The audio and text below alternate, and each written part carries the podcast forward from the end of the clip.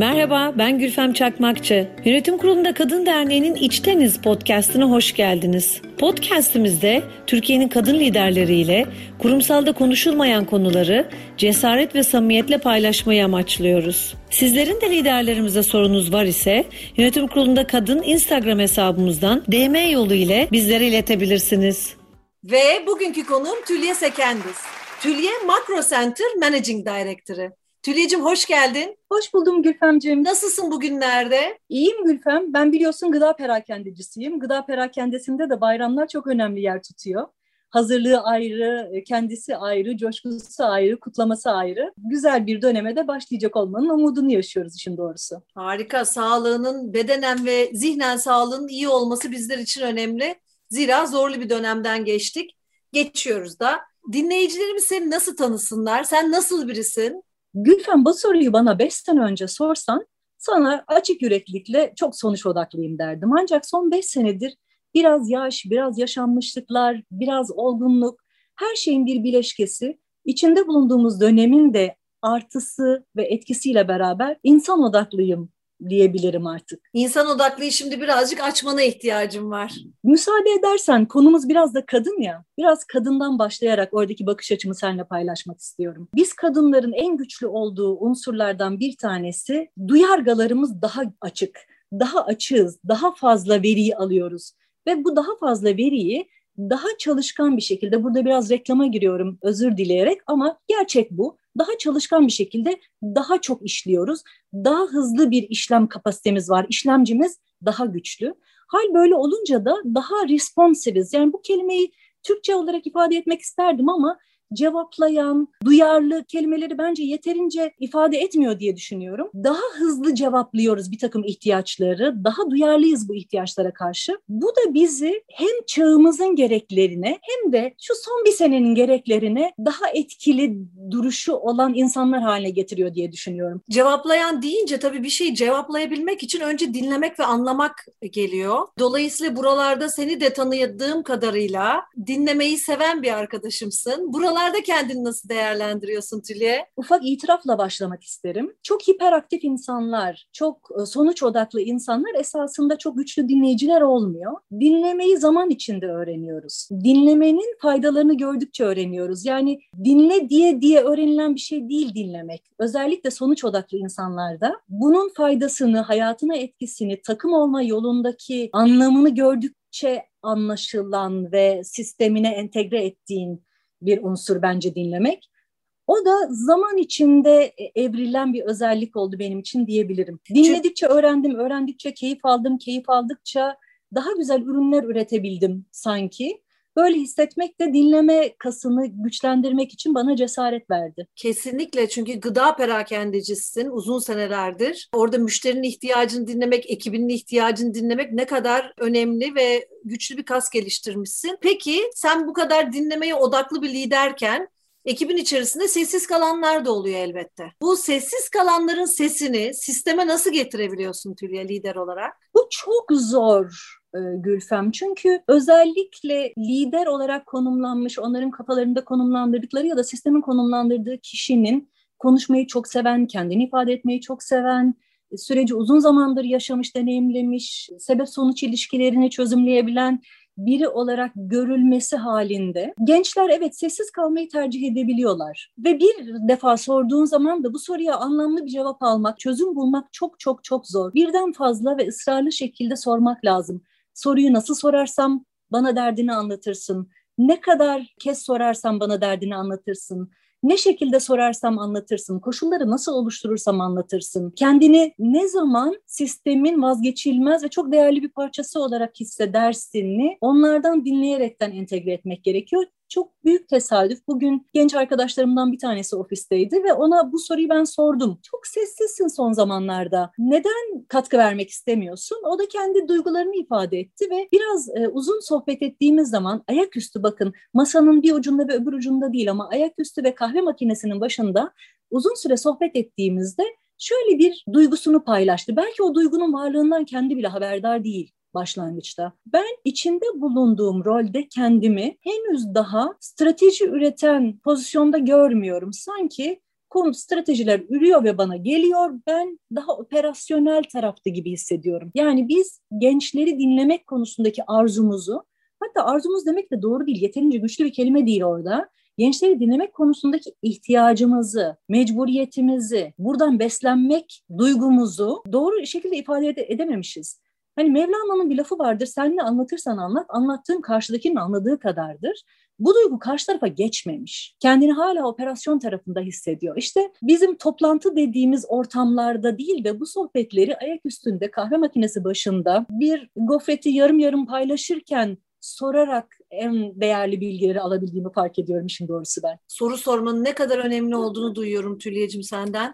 Fakat bizler genelde soru sormaktansa kendimizi anlatma çabasında olabiliyoruz kim zaman. İyi bir liderin de doğru soruları sorabildiğini çünkü başta bayağı bir soru söyledin ve bunları sormaya başladığın zaman aslında ekipte inanılmaz bir etki yaratır ve bu tip soruların da ekibe samimiyeti getirebileceğini düşünüyorum. E, bilmiyorum sen ne düşünürsün bu konuda ama bu soruları sordukça ekipte nasıl bir etki yaratıyor? Anlattıklarımız ne kadar gerçek olursa, ne kadar kendi gerçeklerimizden hareket ederse, ne kadar say- sahici, samimi olursa duygularımızı, başarısızlıklarımızı, olumsuz hissettiğimiz belki duyguları da paylaşmaya devam edersek, onlar için o sahicilik ortamını oluşturursak, bir de dediğin gibi soru sorma tarafına doğru geçersek, bu soruyu da ısrarla sorup da onlara gerçekten bu sorunun cevabıyla ilgilendiğimizi ifade etmeyi başarabilirsek, bence dönüşüm işte o zaman başlıyor. Çünkü dönüşüm buna sadece karar vermekle başlamıyor. Bunu günlük hayatın içine ufak ufak ufak ufak zerk etmekle ilmik ilmik örmekle başlıyor. Ne güzel söyledin. Peki senin hayatındaki en ilginç değişim dönüşüm hikayesi nedir? Ben esasında son 12 yıldır bir markanın bütünsel bir dönüşümünü ve hiçbir anında biz olduk duygusu yaşamadan yaşayan bir ekibin parçasıyım. Dolayısıyla bu dönüşümün, bu dönüşüm yolculuğunun uzun da sürmüş olmakla beraber beni çok şekillendirdiğini söyleyebilirim. İçimde bilmediğim değerler olduğunu keşfettim, bilmediğim meraklar olduğunu keşfettim, bilmediğim beceriler olduğunu keşfettim ve bilmediğim bilmediklerim olduğunu da keşfettim. Yani bildiğimi sandığım bir sürü bir şeyi bilmediğimi, bilmediğimi sandığım bir sürü bir şeyle ilgili de duyusal seviyede, içgüdüsel seviyede, sezgisel seviyede becerilerim olduğunu fark ettim. Dolayısıyla iyi bir keşif yolculuğu oldu benim için. Enteresan olmuş. Bilmediğimi fark etmek güçlü bir farkındalık. Daha önceden Arzu Aslan Kesimer'le yaptığımız bir sohbette ki o da podcastlerimizin içinde aynen Arzu da bunu söylemişti cümle olarak. Merak edenler onu da dinleyebilirler. Peki Tülya'cığım duygulardan bahsettin. Duyguların iş hayatına taşınması, duyguların iş hayatında görünür kılınması, zira müşteriyle temas eden ekiplerin duygularını yok saymasının ne kadar zor olduğunu tahmin edebiliyorum. Senin ekibinde ya da senin liderliğinde bu duyguyla temas nasıl yaşanıyor? E, duygu ne kadar var iş hayatının içerisinde? Çok açık ve net bir cevap verebilirim bu soruya. Biz duyguları yöneten değil tam tersine cilalayan bir takımız. Markamızda bir kere aşk ilişkisi yaşıyoruz. Günümüzle heyecan ilişkisi yaşıyoruz. Heyecan olmadan hiçbir işe başlanmaz. Biraz korku olmadan da durulması gereken yerde durulmaz. Dolayısıyla duygular bizim günümüzün önemli unsurları. Ve şöyle de düşünüyorum işin doğrusu. Madem ki bu ihtiyaçlar hiyerarşisinin en üstünde insanın kendini gerçekleştirmek ihtiyacı yatıyor. Esas kilit de orada. Yani bugün hiçbirimizin barınma ihtiyacı seviyesinde değil ihtiyacı. Hiçbirimizin güvenlik ihtiyacı seviyesinde de değil diyeceğim. Diyemeyeceğim. Tamam hadi öyle olduğunu varsayalım bir an için. Hal böyleyken bizim ihtiyacımız, en temelde ihtiyacımız esasında kendimizi gerçekleştirme ihtiyacı. E bu da duygudan bağımsız düşünülebilecek, duygudan bağımsız oluşturulabilecek bir kavram değil. Heyecan ve korkunun böyle tatlı bir bileşkesi olarak ifade edebilirim iş hayatındaki en önemli lokomotifleri. Peki sen duyguya nasıl alan açıyorsun ekibin içerisinde? Hani derler ya değişim dilden başlar diye. Bir kere duyguyu çok dillendiriyoruz biz, çok ifade ediyoruz. Çok duygu konuşuyoruz. Hem çok konuşuyoruz hem de çok duygu konuşuyoruz. En temelde yaptığımız hani bizi farklılaştıran e, özelliğimiz nedir diye düşündüğümde aklıma bu geliyor işin doğrusu. Duyguyu alan açan bir tavrımız var. Bunu kutlayan, kutsayan, seven. Şuna da önem gösteririm. Bizim e, alanımızda bazen mümkün olduğu kadar fazla insana seslenebilmek, çok fazla insana hitap edebilmek için dili basitleştirmek gibi bir eğilim vardır. Yani 45 bin kişiye konuşacağım. Dolayısıyla böyle bir... E, basit bir dille konuşayım ve anlaşılabilir olayım. Ben mesela başlangıçta bu konuyla ilgili kendimle ilgili karar verdim. Ben dili basitleştirmiyorum, e, duygulardan ıraklaştırmıyorum, anlaşılma ihtimalleri üzerinden okuma yapmayıp olduğu gibi kendimi samimiyetle ifade etmeyi seviyorum. Her sene yılbaşında, her sene bayramlarda bütün arkadaşlarımı içeren mektuplar yazıyorum ve bu mektupları da her sene daha önceki senelerde yazdığım mektupları okuyup tekrara düşmeden yazmaya çalışıyorum. Bu mektupları yazmadan önce o mektupları yazmak için bana o duyguyu verecek hikayeleri hatırlamaya çalışıyorum. Ee, ve basma kalıp olmadan kendimi ifade etmeye ve arkadaşlarımın karşısına bu şekilde çıkmaya gayret ediyorum. Dolayısıyla duygudan bahsetmek çok e, bizim doğamızın parçası haline gelmiş oluyor böyle bir tavır karşısında da. Ne kadar mutlu oluyorum bunu duyduğumda. Çünkü bazen e, arkadaşlarımız, iş dünyasındaki arkadaşlarımız duyguyu evde bıraktım. Veya işten eve geldiğim zaman her şey bitiyor benim için. Shutdown ediyorum, kapatıyorum her şeyi diyebilme şansları var zannediyorlar. Halbuki ne kadar yok sayıyoruz. Yani var saymakla yok saymak arasında gidip geliyoruz genelde oralarda. Biraz da sanırım acı da çektiriyor duyguyu yok saymaya başladığımız zaman. Tülyeciğim sen e, hayatın içerisinde zorluklarla karşılaştığında, belki düştüğünde buradan ayağa kalkmanı sağlayan nedir? Hangi kaynağın senin ayağa kalkmanı sağlıyor? Benim babam tek çocuk ve bir ablası, kız kardeşi yok bütün hayat boyunca da erkek yatılı okullarda okumuş. Dolayısıyla çok da böyle hani hanımlarla, kadınlarla nasıl sohbet edileceği konusunda kendi becerilerine güvenmeyen bir beyefendi. E, çocukluğumuzdan itibaren de bizimle çok iyi ilişkisi vardı. Yani çok fazla zaman geçirdik. Fakat bu zamanın içini nasıl dolduracağını bilmediği için bize sürekli oynattığı oyunlar şimdi bir yerde mahsur kaldık şu anda X taburun askerleriyiz, Y kumsalına çıkartma yapıyoruz falan şeklinde. Dolayısıyla zannediyorum benim normalim anormal. Yani zaten oyun alanım normal olmayan koşulları hayal etmek ve bu koşullara uyum sağlayaraktan bir oyun geliştirmek. Buna çokça bağlıyorum ya bir, bir sürü bir tavrımı, hareketimi, alışkanlığımı ve bazen itiraf ediyorum bir sinir bozucu hale de geliyor. Yani tamam neyse ne şimdi biz bununla ilgili ne yapacağız? Yani arkadaşlarımı bazen dinleyemediğim alanlar da buralarda ortaya çıkıyor. Tamam anladım yani böyle bir dert olduğunu anladım da şimdi biz ne yapacağız? O derdi konuşma anı uzadığı zaman onu tolere etmekte zorlanıyorum. Çünkü hayatın gerçeği, şimdi ben savaş görmedim, işte ne bileyim çıkartma görmedim ama sanki öyle bir yetiştirildim ki savaş ve çıkartma hayatın gerçeği, taarruz hayatın gerçeği gibi yetiştirildiğim için de koşullar buyken şimdi ben ne yapacağıma odaklandığımdan dolayı bazen itiraf etmem gerekirse sinir bozucu bir şekilde tamam neyse ne şimdi ben ne yapıyorum tarafında hareket ediyorum. Bazen biraz yakın çevremi üzüyorum bu tavrımla. Bazen biraz sabırsız olarak algılanıyorum ama normal yani hayat böyle bir şey ve hayat olur ve bizim ona karşı cevabımızdır önemli olan üzerinden hareket edince eyvah bu benim başıma niye geldi diye bir duyguya çok da fazla yer olmuyor. Bir de şunu yapıyorum zannederim. Hani hasip analizi diye bir şey vardır. Hazard Analysis on Critical Control Points. Yani bu bir üretim felsefesidir. Üretimde bir sistematiktir. Bunu eğer sürece uygularsan yani olası süreçlerdeki kritik kırılma noktalarını bulursan ve onlar kırılmadan önce oraları güçlendirmeye ilişkin çalışma yaparsan o zaman daha az riskli yönetim yapma e, ihtimalin olduğunu düşünüyorum. Ya da kırılmalar olduğunda kırılmayı engelleyemesen bile hiç olmazsa arka tarafına böyle bir üzerine düşülebilecek bir yastık vesaire oluşturma ihtimalin olur. Mesela ben kendi iş hayatımda bunu sıklıkla kurgulamaya çalışırım. Yani bu işte çuvallarsam bu çuvallama nerede olma ihtimali var? Bu zincirin zayıf halkası sence nerede? Hem kendime hem e, ekip arkadaşlarıma sıklıkla bu soruyu sorarım. Bir kırılma olursa nerede olur? Bu kırılma olduğunda sen ne yapacaksın? Ee, sorularına önceden cevap bulduğun zaman o zaman haviyane tabiriyle gözüne far tutulmuş kirpi gibi olmazsın bu kırılma olduğu zaman. Hazırlıklı olmak zannediyorum ilacım benim. Ve olasılıklara da açık olmak gibi diye de duyuyorum bir taraftan.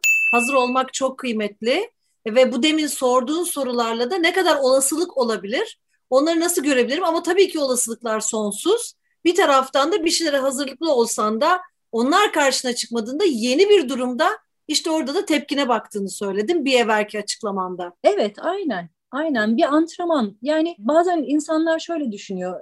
Benim yeterince param olsaydı bu işimi yapardım, ne iş yapardım vesaire. Ben İş hayatına öyle bakmıyorum işin doğrusu. Yarın milli piyango bileti çeksem, Türkiye'deki milli piyango biletiyle iş e, harici kalmak mümkün olmamakla beraber Amerika'da bir milli piyango bileti kazansam ve hayatım boyunca çalışmama gerek olmasa da çalışırdım. Çünkü Sonra oturacağız evde ve sudoku çözeceğiz veya bulmaca çözeceğiz. Hayatta bu zaten. Yani biz işimizde de bunu yapıyoruz. Bulmaca çözüyoruz. Bulmacayı bazen günlük hayatın içinde çözüyoruz. Yani başımıza geldiği anlarda çözüyoruz. Ben bir de şu, bunu bir ileri adıma götürüp başıma gelmeden önce senaryolaştırıp o senaryoları çözmekten zevk alıyorum. Yani özel hayatımızda kendimizi eylemek için yaptığımız aktiviteler esasında bunlar. Böyle baktığın zaman bu antrenman olarak baktığın zaman daha e, az travmatize geliyor insana. Bütün bunların içerisinde kadın olmanın onarıcı ve iyileştirici faktörleri iş hayatına sence nasıl etki yaratıyor? Bir yandan tekrara düşmek istemiyorum. Bir yandan da hakikaten bizim bir farklılaştıran özelliğimiz var ve bu özelliği de vurgulamadan geçmek de istemiyorum. Yani haksızlık yapmak da istemiyorum. Bizim sezgilerimiz daha güçlü. Daha iyi okuyoruz ve pozisyon alıyoruz. Daha hızlı pozisyon alıyoruz. Bu okuma ve ayarlanmalara mesai veriyoruz. Konfor alanlarımıza daha az önem veriyoruz. Daha çalışkanız da diyebilirim. Hal böyle olunca da sürekli bir kapsama alanı içindeyiz. Yani ulaşılabiliriz ve sadece dışarıdan gelen etkilere karşı ulaşılabilir değiliz. Aynı zamanda da sürekli dışarıdan gelen etkileri okuyor ve buna ilişkin olarak çözümler geliştiriyoruz. Zaten bu biraz önce konuştuğumuz ileriye dönük olarak önlem alma, olasılıklara açık olma antrenmanlarını yapma da bu kasların gücünden biraz besleniyor diye düşünüyorum. Bütün bunlarda içinde bulunduğumuz belirsizliğin ve hızın arttığı dünya için olmazsa olmaz çok önemli özellikler. Bir de bir şey daha var.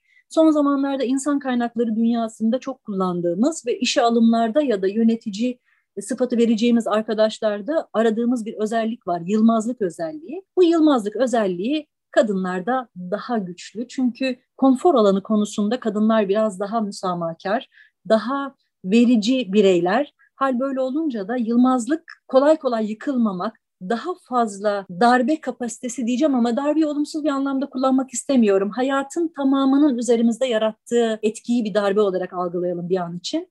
Bütün o etkiyi daha fazla içselleştirme ve anlamlandırma ve aksiyona dönüştürme yeteneğimiz olduğunu düşünüyorum. Darbeyi doğru anlaması önemli dinleyicilerimizin hayatın yarattığı etkinin üzerimizdeki belki baskısı olabilir ve bunu çok daha güçlü kaldırıyoruz ve çok daha güçlü taşıyoruz dedim ve konfor alanının dışında yaşayabiliyor dedin kadın için. Konfor alanının dışında yaşayabilmek demek risk alanına çıkmak demek. Dolayısıyla iş hayatındaki en önemli konulardan bir tanesi risk alabilmek. Demek ki kadın da bir tür çok fazla alternatifi değerlendirebilip olasılıklara bakıyorsa risk alanında daha güçlü ilerleyebiliyor oluyor diye duyuyorum dediklerinden. Süper.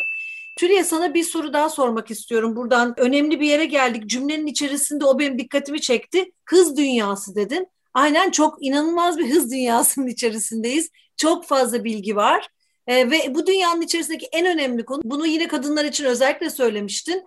Dikkat ve konsantrasyon ve odaklanma çok daha yüksek kadınlarda diye. Bugünün en önemli para birimi dikkat. Her iş alanı bireylerin dikkatini satın alma çabasında. Dolayısıyla sen bu önemli kendi para birimini, dikkat para birimini Bugünlerde en çok nereye harcıyorsun? Gülfem müsaade edersen soruna soruyla cevap vereceğim. Dikkati nasıl biriktiriyorum, nasıl kazanıyorum anlamında mı, nasıl harcıyorum anlamında mı? İkisine de cevap verebilirsin. Şöyle söyleyeyim. Dikkat benim için bir kas. Her kas gibi antrenmanla gelişiyor. Ve birikimsel de bir özelliği var. Yani üst üste koyaraktan büyüyen bir alan dikkat ve birikim. Nasıl ki bir kas önce yırtılıyor, daha sonra protein etrafını örüyor ve o şekilde büyüyor. Bu da aynı şekilde önce bir yırtılma gerektiriyor ve arkasından da vücut, bünye, burada ekip, şirket yani önce bir biraz önce çok bahsettik o konfor alanından bir çıkıyorsun, yeni bir alana doğru çıkıyorsun ve orada o yeni alanın gerektirdiği, yeni koşulların gerektirdiği koşulları yeniden örüyorsun. Dikkat de bu şekilde. Dikkati bu anlamda yani dikkatin oluşmasını tamamen antrenman unsuruna bağlıyorum. Ve büyü, büyüterekten dik, dikkati de yine aynı şekilde dikkatle büyütmek gerektiği kavramıyla ele alıyorum. Peki dikkatini nerelere harcıyorsun? Dikkat paranı? Bu işte zannediyorum bugün konuştuğumuz en zorlu sorulardan bir tanesi. Çünkü 50 yaşında bir kadın olarak çok fazla ilgi alanım ve e, ilişkim var. Yani şöyle bir şirketim var. Şirketimin ötesinde ben markamı ele alıyorum. Yani markam tamamen başlı başına bir bebeğim benim. 17 yaşında bir oğlum var, lise 3. sınıfta ve e, şu anda üniversite sürecinin içinde. Bir ailem var, eşim var, annem babam sağ olsunlar oldukça alan açıyorlar bana. Arkadaşlarım var, kadın arkadaşlar olmadan olmaz. Benim e, rahmetli kayınvalidem çok çok çok değerli bir insan. Benim hayatımda çok önemli bir yeri var bir kadının en önemli varlığı kadın arkadaşlarıdır derdi. Ben genç kızken e, kız arkadaşlarımla seyahate çıkarken babam şöyle bir çık çık çık yani bu kadar da yeni evliyken annen yapıyor ama sen bu kadar erken başlaman doğru değil gibilerinden bir yorum yapmıştı. Kayınvalidem sakın babanı dinleme. Bir kadının en önemli varlığı kadın arkadaşlarıdır. Oraya kocanı ihmal et, onları ihmal etme, oraya yatırım yap demişti. Dolayısıyla bir hazinemde kadın arkadaşlarım elimden geldiği kadar mahir bir şekilde dikkatimi doğru bir şekilde yönetmeye çalışıyorum. Onları mahrum bırakmamaya çalışıyorum sevgimden, ilgimden, zamanımdan işinize kişisel imzanızı atın. Ne demek senin için kişisel imza atmak? Biz kocaman bir şirketin içinde görece çok küçük bir grubuz. Macro Center markası. Hal böyle olunca da bütün arkadaşlarımıza ben şunu söylüyorum. Diyorum ki hepiniz yönetim kurulu üyesiniz. Hiçbiriniz söylenilen bir işi yapmak üzere görevinizin başına getirilmediniz. Hepiniz bu stratejinin parçası olmak üzere buradasınız. Dolayısıyla markamızın varlığına ve devamına stratejik seviyede katkıda bulunmak mesuliyetimiz var hepimizin, bütün arkadaşlarımızın, mavi yaka arkadaşlarımız, kasap arkadaşlarımız, manav arkadaşlarımız, yönetici arkadaşlarımız, burada pazarlamada çalışan arkadaşlarımız hepimizin. Bunu bize hatırlatması için de görselden faydalanıyoruz. Hem mağazalarımızda hem çalışma ortamlarımızda bu sloganımızı çok severekten kullanıyoruz işinizi kişisel imzanızı atın. Amblemimizin altında da bir parmak izi var. Parmak iziyle e, damgalıyoruz. Harika attığınızda düşünüyorum. Şimdi hemen merak sorularıma evet. geçiyorum. Bugünkü hayat deneyimin ile Z jenerasyonu olsaydın ki evde var bir tane sende. Neyi yapmaktan vazgeçerdin? Geçenlerde bir aynı zamanda mesleği psikologluk olan bir arkadaşımla sohbet ediyordum. Bir takım konulara yaklaşımlarımı böyle dinleyince dedi ki sende dedi e, psikolojide en e, genel yanılsamalar olan unsurlar çok hepsi bir arada var. Yani ben ben e, durursam dünya durur. Ben yapmazsam her şey batar. Olumsuz bir şey olduysa bu kesinlikle benim suçumdur, benim kabahatimdir, benim yüzümden olmuştur. Ben bir şey yapmadığım için olmuştur. Bir kere e, birey olarak bu kadar önemli olmadığımın bir farkına varırdım. Kendimle bir bu konuda yüzleşirdim diye düşünüyorum. Tülecim sen bu kadar önemli değilsin. Dolayısıyla bazen durabilirsin. Bir ekibin bir parçasısın, bir dinamiğin, bir sistemin bir parçasısın, bir evrenin bir parçasısın yüzleşmesini yapardım. O zaman kendime bir alan açardım. Bu açtığım alanda da biraz daha yaratıcı oyunlar oynardım diye düşünüyorum. Çünkü o tarafta kendimi eksik buluyorum. Benim oğlum e, bir yaşındayken, iki yaşındayken Lego valizlerini dökerdik ortaya. Annemle oğlum çok güzel e, projeler yaparlardı. Bakın buna bile isim bulmaya çalışıyorum. Yani benim dünyamda bir karşılığı olması gerekiyor. Cisimler yaratırlardı.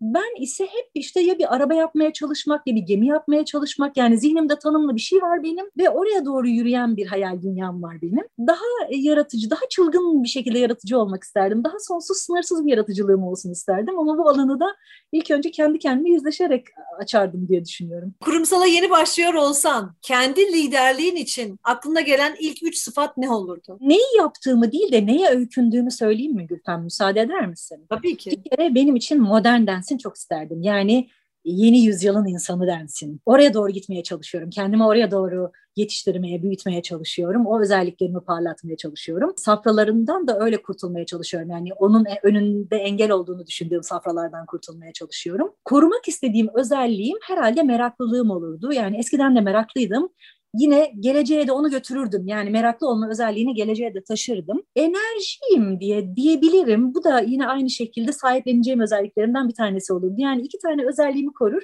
bir tane özelliğimi de değiştirirdim. Kurumsal dünyayı yeniden yapılandırsan asla olmasın diyeceğin ne olurdu? Kendimle çelişiyor olma ihtimalini de göze alarak şunu söylemek istiyorum neyin niçin olamayacağını söyleme halinin illegal olacağı bir dünya hayal ederdim. Bana neyin nasıl olduğunu söylesin herkes. Ben de herkese neyin nasıl olabileceğini söyleyeyim isterdim. E, bu dilimizdeki olmaz çünkü'nün yasak olduğu, yasak olduğu, illegal olduğu bir dünya hayal ediyorum Gülfem. Distopya. Distopya. Ütopya ile dis yani birileri için distopya evet ama birileri için ütopya. çok güzel. Peki Tülyeciğim seninle sohbet çok keyifli. Ancak zamanımızın sonuna da geldik. Çok ee, teşekkür Çok da güzel cevaplar verdin. Değişik de cevaplar da verdin. Çok hoşuma gitti. Keyifle dinledim. Buradan ayrılırken e, dinleyicilerimize son bir şey bırakacak olsan e, neyle ayrılmak istersin? Neyle ayrılmalarını istersin? Benim son zamanlarda genç kızlık zamanımdan aklımda kalan ama son zamanlarda sıklıkla kendime tekrar ettiğim bir kalıp, kelime, kavram, bir felsefe. Her seçiş bir vazgeçiştir. Bazı alışkanlıklarımızdan vazgeçmenin zamanı geldi diye düşünüyorum. Ben kendimle ilgili muhasebelerimi yapmaya başladım. Yapıyorum, o yolculuğun içindeyim. Bütün kadın arkadaşlarıma da yine aynı şekilde pahalı alışkanlıklarından, pahadan kastım hiçbir şekilde para değil, pahalı alışkanlıklarından yani onlara maliyeti çok yüksek olan, getirisi ise e, sadece alışkanlıktan ibaret olan alışkanlıklarından vazgeçmesini belki nacizane bir tavsiye olarak iletebilirdim. Kendi kendime en sıklıkla söylediğim çünkü e, tavsiye bu. Tülyeciğim ne kadar mutluyum ki birlikte olduk. Bu samimi sohbetin için çok teşekkür ediyorum. Sen de Yönetim Kurulu'nda Kadın Derneği'nin podcastine içten bir riz bıraktın. Çok teşekkürler. Kendine ve çevrene çok iyi bak. Sevgi ve dostlukla kal. Çok teşekkür ediyorum Gülfem.